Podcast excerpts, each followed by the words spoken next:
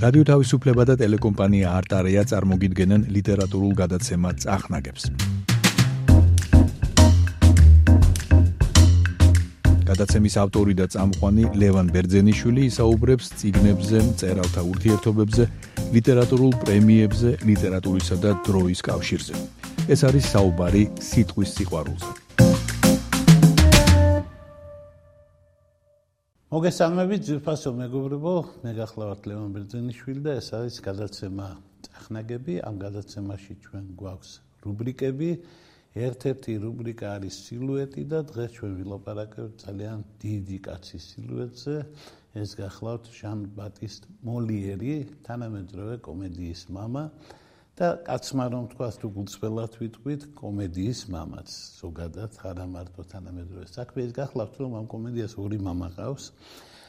პირველი მამა მოგეხსენებათ გახლავთ არისტოფანე რომლის 11 კომედია მაქვს მეთარგმნილი და ვარ მისი დიდი გულშემატკივარი, მაგრამ მიუხედავად იმისა, რომ მას უყრია ეს მაღალი ტიტული, ასე ვთქვათ, სოფლიო ლიტერატურაში კომედიის მამისა, არისტოფანემ მაინც სხვა კომედია შექმნა, იგი სხვა კომედიის мама, იმისი არა, რასაც ჩვენ უწოდებთ კომედიას. არისტოფანეს კომედია სინამდვილეში იყო სატირული, ასე ვთქვათ, ნაწარმოებები, სატირულ ფანტასტიკური ნაწარმოებები, რომელშიც საზოგადოებრივი მანკიერებები იყო დაცინული, მაგრამ ამას ყოველთვის ახლდა ძალიან ღრმა პოლიტიკური ხასიათი. ხოლო პოლიტიკა რამდენად აუნჯობესებს ნაწარმოებს, ამაზე მე ახლა ბევრს არ ვილაპარაკებ, უბრალოდ, როდესაც ის თავისუფლება, რაც იყო არისტოფანეს დროს, გაქრა დედამიწის ზურგიდან აორთქლდა, უცებ გაირკვა რომ მისმა ტრაგედიებმა, მისმა კომედიებმაც დაკარგეს ის ძველი მომხიბლობა, იმიტომ რომ არისტოფანეს კომედია რო გაიგოთ, საჭირო არის რომ თქვენს გვერდით, თორსა ამ კომედიას უყურებთ, იჯდეს სპეციალისტი თუნდაც ლევან ბერძენიშვილი, მაინც ან ვინმე სხვა, რომელიც ყველა მომენტში აგიხსნით ახლა ამან ეს იგულისხმა, იმიტომ ათენში ამ დროს ასე ხდებოდა ისე, თუ ეს არა გყავთ. თუ გვერდით კაცი არ გიზით, თქვენი ვერ გაიცინებთ. ამიტომ არის რომ მიუხედავად მრავალი მცდელობის და მაგალითად საქართველოსში დაედგათ არისტოფანე ყოველთვის ასე ვთქვათ, ნუ დიდი წარმატება ამას არ მოყოლი. მაშინ როდესაც არისტოფანე იყო მხუხარე წარმატების ავტორი და ის იყო ავტორი, რომელსაც სოფოკლეს გვერდით აყენებენ არა მარტო ბერძნები, არამედ მაგალითად ისეთი კლევარები, როგორც ალბინ ლესკია, რომელსაც სახელმწიფო დაწერა და დასვა კითხვა, ვიში უფრო განხორციელდა ბერძნული სული, სოფოკლეში თუ არისტოფანეში და პასუხი იყო ორივეში. და დღეს არავინ არ აღიარებს, რომ არისტოფანე სოფოკლეა, თუ ევრიპიდეა და ესკილია და სხვა. შეიძლება მე ვაღიარებ, მაგრამ მე გამონაკლისი ვარ. ძალიან იშვიათად ვინმეს რომ ეს მოდეს მისი ნამდვილი ფასი იმ უბრალო მიზეზის გამო, რომ ისტორიასთან მისი ბმა აღმოჩნდა იმდენად საფუძვლიანი, რომ ამ ისტორიიდან დაშორებისას მასაც ჩვენივრად დავშორდით. მიუხედავად ამისა, იგი ახდენს გავლენას ბუნებრივად დღესაც იდგმება ძველი ინერციით, ვამბობთ რომ გენიოსია, კარგია, დიდია, მაგრამ აგერ გეუბნებით პირდაპირ, მე ვთარგმნე მისი კომედიები, გამოიცა 4 ტომი, ტირაჟი იყო 200 ცალი და ბოლო ცალები ჯერ კიდე იყიდება რო იცოდეთ ესე თუ ვინმეს პრობლემა აქვს მესამე მეოთხე ტომთან ნახევარი ტირაჟი მე მაქვს კიდე და ასე შემდეგ. ა ამას იმიტომ მოგახსენებთ რომ არ არის რა თქმა უნდა არისტოფანე ისეთი პოპულარული ვერ არის ისეთი პოპულარული როგორც მოლიერი მოლიერმაც იმშობიარა ასე ვთქვათ მისი ლიტერატურული მოღვაწეობის შედეგი გახლავთ კომედია და ეს ის კომედია რომელსაც ჩვენ ვეძახით კომედიას. რომლისთვის დავდივართ თეატრში რომელსაც პატივსცემთ კინოში რომელსაც ცხოვრებაში ძალიან ხშირად ხვდებით და მოლიერის გარეშე ძალიან ძნელი წარმოსადგენია თეატრი. რა კაცი იყო ჟან ბატისტ პოკლენი იგივე მოლიერი მოლიერი მის ფსევდონიმია პოკლენი იყო გვარად, მამამისი იყო შთამომავლობითი გადამკვრელი ავეჯზე და ასევე ძალიან კარგად ეხერხებოდა შპალერის საქმეები. მოკლედ შპალერისა და ავეჯის გადაკვრის საგვარეულო პოკლენების მრავალი საუკუნეა წეოდა ამ საქმიანობას და ამ დარგში იმდენს მიაღწია რომ გახდა საფრანგეთის მეფის ლუი მე-13-ის ასე ვთქვათ პირადი გადამკვრელი ავეჯზე. ახლა ბავშვობიდან რა თქმა უნდა მას ასწავლეს ავეჯის გადაკვრა, კედელებზე შპალერის აკვრა, თვითონ შპალერის დამზადება და სხვა. შესანიშნავად იცნობდა მამამისის პროფესიას და ემზადებოდა მის ჩასანაცვლებლად, მაგრამ ბავშვს აღმოაჩნდა მეტი ტალანტი. ხოლო მამამის აღმოაჩნდა მეტი ფული, ვიდრე მის წინაპრებს ჰქონდა და მის დაჭირად და საუბედუროდ მიაბარა სწორედ ამ ლუის სახელობის ლიცეუმში, ახლა ასე ქვია ლუი მე-13-ის ლიცეუმი. მაშინ მას სხვა სახელი ერქვა, მაშინ მას ერქვა, ესე იგი, სასწავლებელი, რომელსაც ერქვა კლერმონის კოლეჯი და აი კლერმონის კოლეჯში მიაბარა, ბავშვმა იქ კარგად ისწავლა და საბოლოო ჯამში იურისტიც გახდა და იურიდიო და დისერტაციას დაიცვა და სამართლის ლიცენციატიც გახდა. ну აქ მამამ მე მგონი გაიხადა, იმიტომ რომ მისმა შვილმა მას აჯობა და მასზე უფრო შორს წავიდა, მაგრამ დიდი ხნის არ იყო ეს სიხარული. აი ამ კაცმა არ ისურვა არც იურისტობა, არც მამის პროფესიის გაგრძელება და ისურვა ყველაზე უფრო მიუღებელი საქმიანობა, ანუ თეატრი. თეატრი, რომელიც მაგდროს არ სარგებლობს სიმპათიის სემით, რაც დღეს სარგებლობს. მაგრამ ჟან ბატისტი ძალიან გულმოდგინე თეატრალი აღმოჩნდა.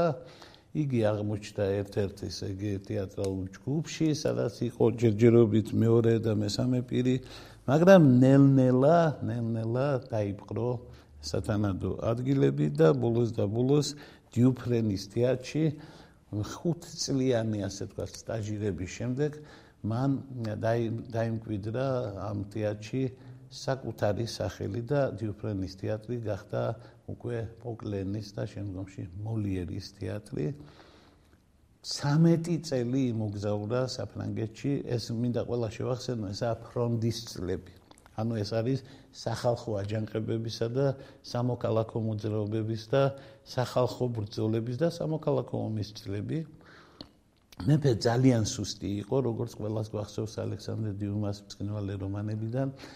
მეფე სუსტი იყო, დედოფალს აშკარად სხვა ინტერესები ჰქონდა, ქვეყანას მართავდა სულ სხვა პიროვნება, რომელიც ძალიან დიდი ფიგურა იყო მოგეხსენებათ და გავლენას ახდენდა ეს არის კარდინალი რიშელიე, მაგრამ ქვეყანა ვერაფრით ვერ ისვენებდა, სანამ არ წაიქცა ლუი მე-13 და არ მოვიდა მეფემზე ანუ ყველაზე დიდი მეფე რომელსაც მარტო არი მეოთხე თუ შეეჯიბრება ბურბონელი ეს გახლავთ საფრანგეთის სიამაყე ლუი მე-14 ვინც ვერსალშია ნაყოფი ემახსოვრება რომ სანამ დიდი რემონტი ჩატარდებოდა მანამდე იდგა და რემონტის დროს არ იდგა სხვა შორის თუ ვინმე მაგ დროს არ ნაყოფი არ ექნება ეს ძეგლი ნანახი, მაგრამ ახლაც დგას ამაყად ვერსალის შესასვლელში თავარი და ეს სასახლის წინ დგას ლუი მე-14-ის ძეგლი, იგი ცხენოსანი ძეგლია. როგორც მე მარწმუნებდა დიდი ქართველი მხატვარი, ჩემი დიდი სიყვარული თენგიზ მირზაშვილი, ამ ჩუპჩიკა, ეს იყო ეს არის სოფლიოს ყველა დროის ერთ-ერთი ყველაზე უკეთესი კანდაკება. და მე მართლაც მივაქციე მას ყურადღება საქმე ის გახლავთ რომ ლუი მე-14 ეს კაცი რომელსაც ერთხელ გამოსვლისას შეაწყო სწორედ ის გამოვიდა თუ არა პარმაღზე და მაგ დროს დადგა ეტლი და მან თქვა ისტორიული სიტყვა კინაღა მარმალოდინესო აი ეს მეფე არის ის მეფე რომელსაც თქვა ლეტასემოა სახელმწიფო ეს მე ვარ და კიდევ ბევრი რამითაა ცნობილი. მეფე მზე როა სოლეი გახდა მფარველი ჩვენი დიდი დრამატურგისა და ამიტომ ამან გადაარჩინა ასე ვთქვათ ეს პროფესია აწია ძალიან მაღალ დონეზე როცა მეფე გახდა მისი მფარველი და საბოლოო ჯამში მოლიერმა ადგილი დაიმკვიდრა არასადმე სხვაგან არამედ იქ სადაც ადრე მეფე ცხოვრობდა ანუ პალე როელში, ანუ სამეფო სასახლეში. სადაც ახლა არის კომედი ფრანსეზ, ანუ საფრანგეთის თავარი და ევროპის თავარი თეატრი.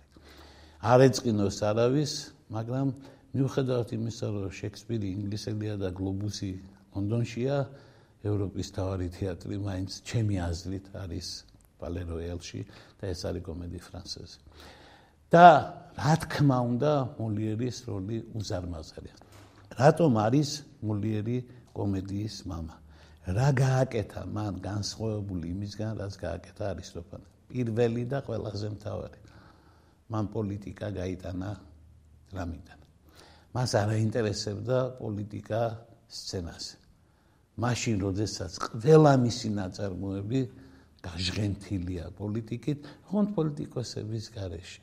ანუ ის გაცილებით უფრო ვირეშმაკი აღმოჩნდა კომედიაში, ვიდრე იყო გულწრფელი არისტოფანე.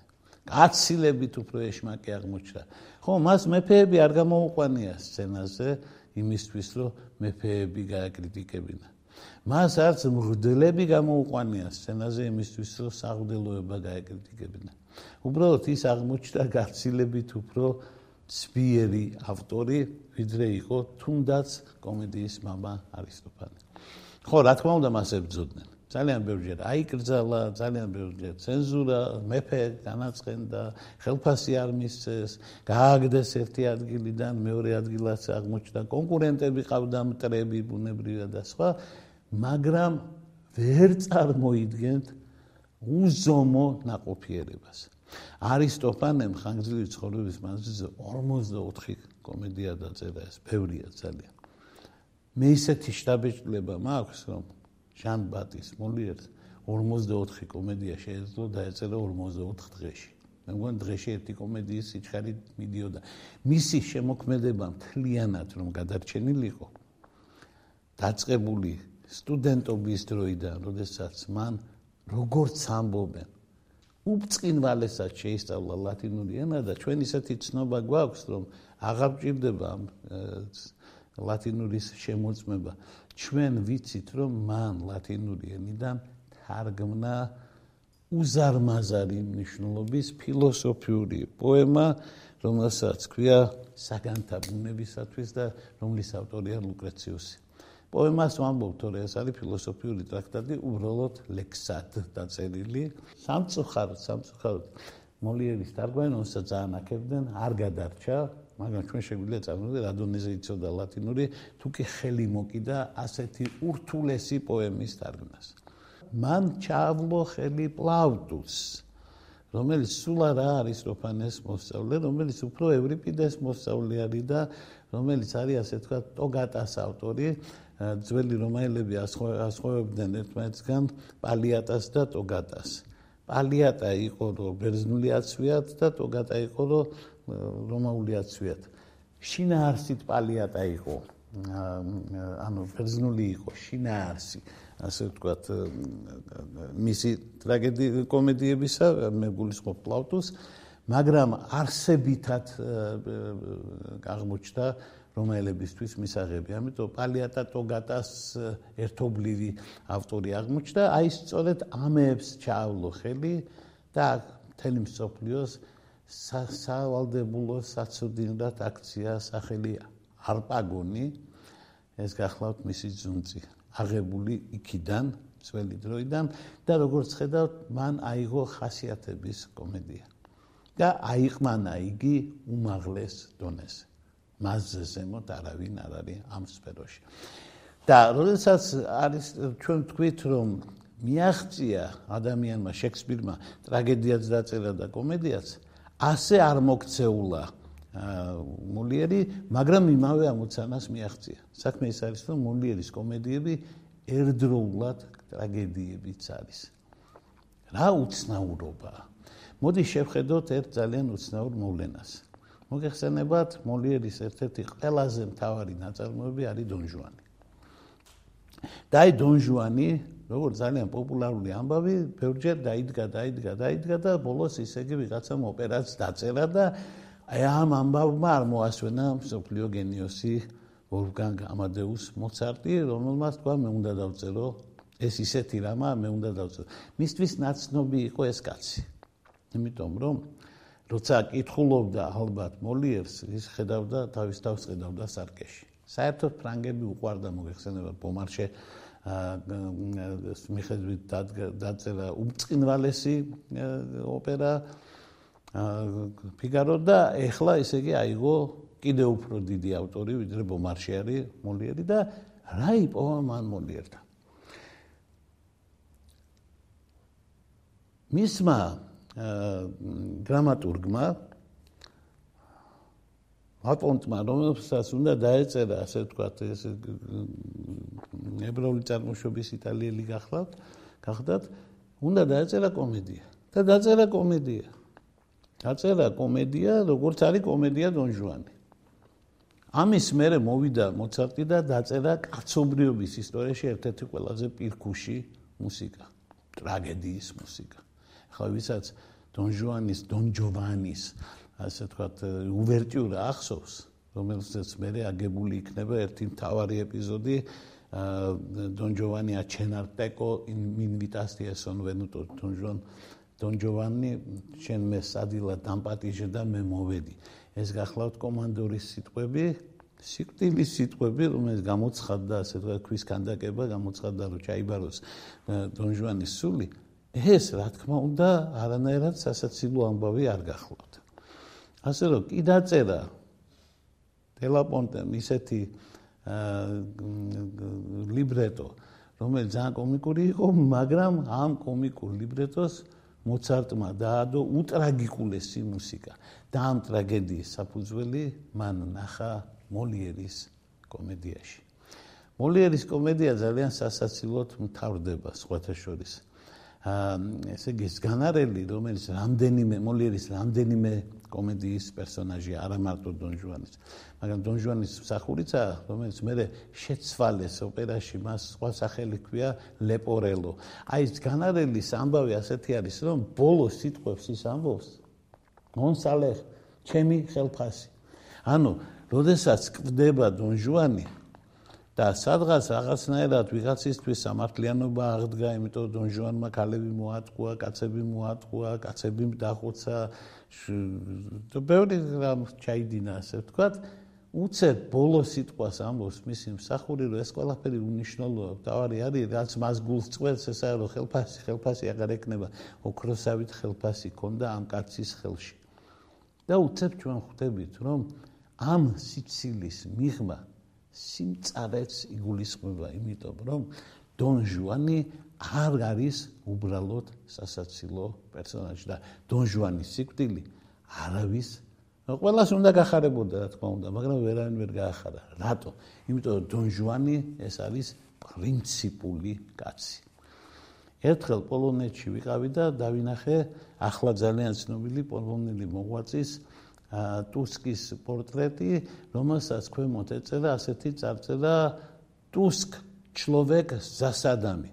და მე ვთქვი რა არის ეს ზასადამი, ახლა პოლონური მე არ ვიცი და ზასადა წარმოვიდგინე რომ რუსულში რაც არის, ეგე მე ვფიქრე ტერმა ხო არ გაუკეთა ეს ანტირეკლამა ხო არ არის, ხო არ არის კაცი ჩასაფრებებით. თურმე ნუ იტყვით, ზასადა პოლონურად ყოფილა პრინციპი.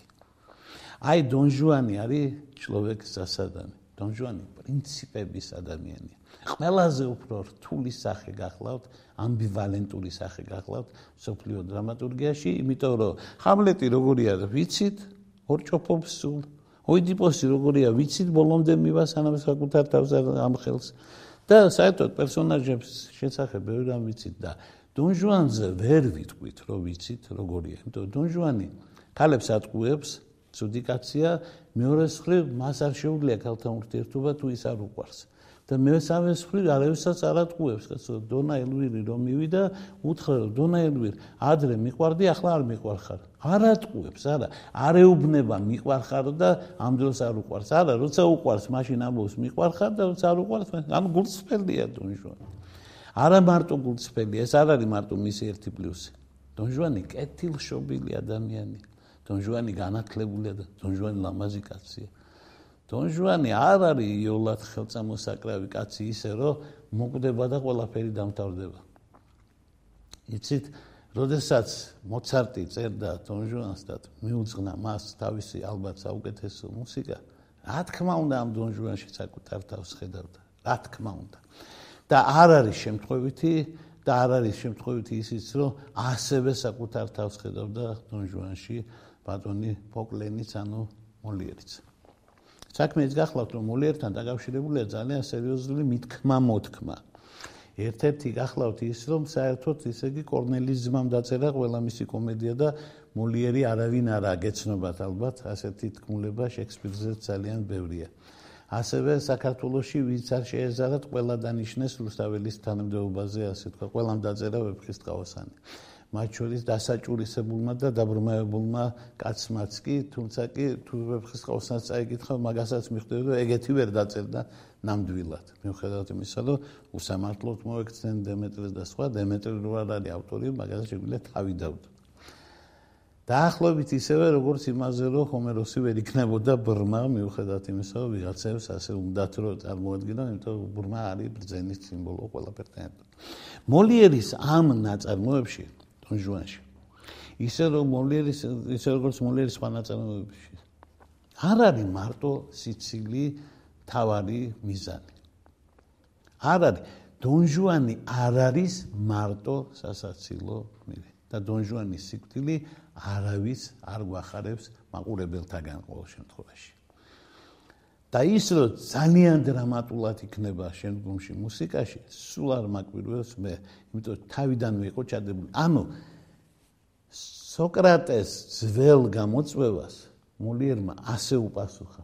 მან დაწერა კომედია, რომელიც ამავე დროს ტრაგედია. მე არ ხმარობ ტერმინ ტრაგიკომედიას ამ შემთხვევაში, იმიტომ რომ ეს უფრო კომი ტრაგედიაა. იმიტომ რომ კომედია უფრო ვიდრე ტრაგედია და ტრაგიკომიკული ელემენტები არის, რა თქმა უნდა, შექსპირთანაც, ჰამლეტში არის მაგალითად, ცოტა ნაკლებად არის მეფელირში, მაკბეტში ერთ ადგილას ვარაუდობენ და სხვა, მაგრამ მაინც, მაინც ეს არ არის სუფთა იქ სასაცილო, ბევრი არაფერი არ არის. მაშინ როდესაც სატირალი ბევრი არის მოლიერის ნაწარმოებებში. ამ თვალსაჩინით იგი სრულიად უნიკალური და უნივერსალური ავტორია. ბევრმა ვერ გაუგო სხვა ჩვენს. მე ვიცი ერთი კაცი, რომელსაც თავიდან 100%-ით გაიგო მოლიერი არა ფრანკთაგან. ფრანგებს ესმით ჩვენივრად და მე მგონი არანაირი პრობლემა არასოდეს არ ქონიათ. ეს იყო დიდი რუსი მწერალი ბულგაკოვი, რომელმაც მთელი ორი ნაწარმოები მიუძღვნა მოლიერს. ერთი ეს იყო კაბალა სვიტოშ, და მეორე იყო მოლიერის ბიოგრაფია. მან ესიც გააკეთა და ისიც პიესას დაწერა და სოჩვეს დაიძგა ჩვენთან საკმაოდ წარმატებულად ეს პიესა თავის დროზე. მოლიერის განსაკუთრებით მინდა ვთქვა, რომ ბევრი ბევრი კარგი ნაწარმოები აქვს, რა თქმა უნდა, მოლიერის, მაგრამ სულ ცოტა ორი არის იმ დონის რადონის კომედიაც არ დაწერილა არასოდეს. ესაა ტარტიუფი და ეს არის დონჟუანი. ყველა შემთხვევაში ჩვენს წინაშე არის რთული პერსონაჟი, ამბივალენტური, რთული პერსონაჟი. დღევანდელ ლიტერატურას შეუძლია ამას პასუხი გასცეს. მაგრამ თუ გინდათ მოლიერი კარგად გაიგოთ, ფრანგი ავტორი თუ გინდათ კარგად გაიგოთ, აუცილებლად უნდა წაიგითხოთ გერმანელი ავტორის ნაშრომი, რომელსაც ქვია სიკეთესა და ბოროტებას, ბოროტების მიღმა. ფრიდრიხ ნიცშე არის ყველაზე უკეთესი გასაღები ამ ტრაგიკომიკული, ამ კომიტრაგიკული პერსონაჟებისა. ნიცშე, რომელიც ამბობს, რომ ადამიანი არც კეთილი, არც ბოროტი, ეს ამის მიღმა დგას და თავარი არის, რომ იგი არ იყოს მოსაწყენი და იგი არ იყოს პლებეული გაგებისა.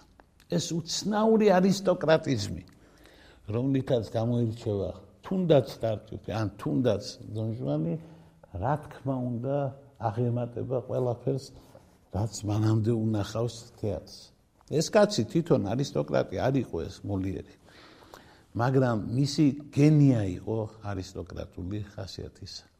არ შეცდა არა მეფემზე არ შეცდა როდესაც მოლიერს მიანიჭა უპირატესობა ამდენ ხელოვანს შორის ლუი მე-14 არ შემცდა და ისე როგორც არასოდეს არ შეცდა ფრანგი ხალხი. სად არის დაგზავნილი მოლიერი? ახლა ქართველი რო ყოფილიყო მოლიერი, ახლა ერთი წამით როგორ შეიძლება წარმოვიდგინოთ, რომ მას დაწმინდა აცდებოდა, მაგრამ იქაურ მთაწმინდაზე, ანუ პანთეონში მოლიერი არ არის დაგზავნილი, არც არასოდეს არ დამდგარა საკითხი მოლიერის, ასე ვთქვათ, პირიქით. თავიდან ძალიან უბრალო სასაფლაოზეც კი იყო დაგზავნილი. ახლა მაგას მაინც გადავჭირდა პერლაშეზე მაინც არ დაგზავნილი. პერლაშეზე ერთი პატარა ქართული ქალაქის ხელა კი არის, რაც მართალი მარტა ბევრი ქუჩა, ქუჩებს ახელებია ესეთი საუნდტროფო, ესეთი საერთოდ რა ქვია, სასაფლაო გახლა. მოლერი იქა დაგზავნილი. ისე როგორც პალსაკი, ისე როგორც მარსელ პრუსტი, ისე როგორც აპოლინერი, ისე როგორც და ბევრი ვინმე. რატომ? რატომ პანთეონში არა? იმიტომ მოლერი ხო ძალიან დიდი ფრანგული სახელია. სწორედ იმიტომ პანთეონში არა რომ მოლიერი და პანთეონი არის შეუთავსებელი ცნებები. არ ჭირდება მას ეს ეს მოკლავდა მის დიდებას. ანუ იტყოდნენ რომ აი დიდი იყო ძა. და ჩვენ არ გვინდა დიდი ჩვენ გვინდა ცოცხალი. მოლიერი არის ცოცხალი. ფრანგულ რეპერტუარში ყველაზე ხშირი ავტორი დღესაც არის მოლიერი. ახლა იწერება ახალი პიესები უამრავი ვინმე. თეატრი ცოცხალია საფრანგეთში პარიში რამდენი ასეული თეატრი არის მინდა ჩამოთვალო ყველას ერთად ვერანვე ნახავს. ესე გამიგია ადამიანის ცოცხალი არ იყოფა იქ ამერიკელებს აქვს თეატრები წარმოგვიდგენიათ იქიდან ჩამოდიან და იქ თეატრში თამაშობენ. იმიტომ იციან რომ ფრანგი მაყურებელი სხვა არის. სხვათა შორის მოლიერს ისევე არ მოუხდებოდა პანთეონი როგორც არ მოუხდა, როდესაც სარკოზიმ შესთავაზა ოჯახს კამიუს დაკრძალვა პანთეონში, ოჯახმა ვარიტყვა. და სწორად, იმიტომ ეს გააღმერთებდა კამიუს და არაკლია მას პატივისცემა, სამაგეროთ, ასე ვთქვათ, მის სიცოცხლეს, ასე რაღაცა ჩtildeს მიაყენებდა. ანუ ბურჟუაზიული განდიდების საგანი. მოლიერი არ აღმოჩნდა იქ და ძალიან კარგი, სადაც არის დაკრძალული, იქ არის ყველაზე სახალხო და საპატიო ფრანგულ ადგილას. მე მინდა ვთქვა რომ როდესაც ლაპარაკობთ თეატრზე როდესაც ლაპარაკობ რომ თესპისმა შექმნა თეატრი ჩვენ უნდა ვიცოდეთ არა მარტო ის რა მოყვა ამას. ამეთ ისიც უნდა რატო შექმნა ეს თეატრი? თესპისმა შექმნა თეატრი იმიტომ რომ დაინახა ამაში ასე ვთქვათ კომერციული სარგებლობა ამის შემდეგ თეატრი განვითარდა როგორც რელიგიური დაწესებულება. ეს არის ესკილეს თეატრი, სასოფოკლეს, ევრიპიდეს თეატრი. ამის შემდეგ თეატრში მოვიდნენ ხულიგნები ყველანაირი არისტოფანეები. და მათ თქვეს რომ რელიგიურზე უფრო მნიშვნელოვანი თეატრში იქნება ესთეტიკური ფუნქცია. და საბოლოო ჯამში ამან გამოიმარჯვა უპირველეს ყოვლისა ორ უზარმაზარ ევროპელ ავტორთან. ტრაგედიის, ახალი ტრაგედიის მამა შექსპირთან და ახალი კომედიის მამა მულიერთან. თუ მკითხავთ ევროპის სული რომელში უფრო მეტად განხორციელდა შექსპირში თუ მულიერში, ჩემი პასუხი იქნება ზუსტად ისეთი, როგორც ალბინ ლესკის პასუხი იყო კითხვაზე სოფოკლე თუ არისტოფანე. ორივეში, ორივეში. შექსპირი უზარმაზარი სახელია იგი ინგლისელების მთავარი სახელია ფრანგები მთავარ თავის სახელად შექსპირის ტოლფასად ასახელებენ არა მოლიერს, არამედ ჰიუგოს, მაგრამ ეს ის შემთხვევა, როცა მე არ დავეთანხმებოდი მაგალითად უზარმაზარი ავტორია ჰიუგო, მაგრამ ყველაზე დიდი ფიგურა, რაც ფრანგებმა სოფლიოს მისცეს, მე ლიტერატურაში მე მგონი მაინც თეატრია და მაინც მოლიერია. ეს ჩემი აზრია, ბუნებრივია, არააუცილებელი ყველა აზრი და პატენტდეს და მიეცეს მას უკანასკნელი ჭეშმარიტების აზრი, მაგრამ მაინც სიყვარული ხალხო სახალხო სიყვარული მოლიერს არაკლია, რაც მართალი მართალია. ყველა ფრანგი მას ნათესავად აღიქვამს და ძალიან ბევრმა იცის ტექსტები ზეპირად. დაახლოებით ისეთი ამბავია საბჭოთა კავშირში ილფი და პეტროვი რო იცოდნენ და ახლა რუსებმა ბულგაკოვი რო იციან ზეპირად. და ჩვენ ერთი ორი კინო რო ვიცით ზეპირად მაგალითად არაჩვეულებრივი გამოფენა და სხვა ზუსტად ასეთი კაცი არის მოლიერი ფრანგებისთვის დღემდე იგი უაღრესად ცოცხალი კლასიკოსი გახდა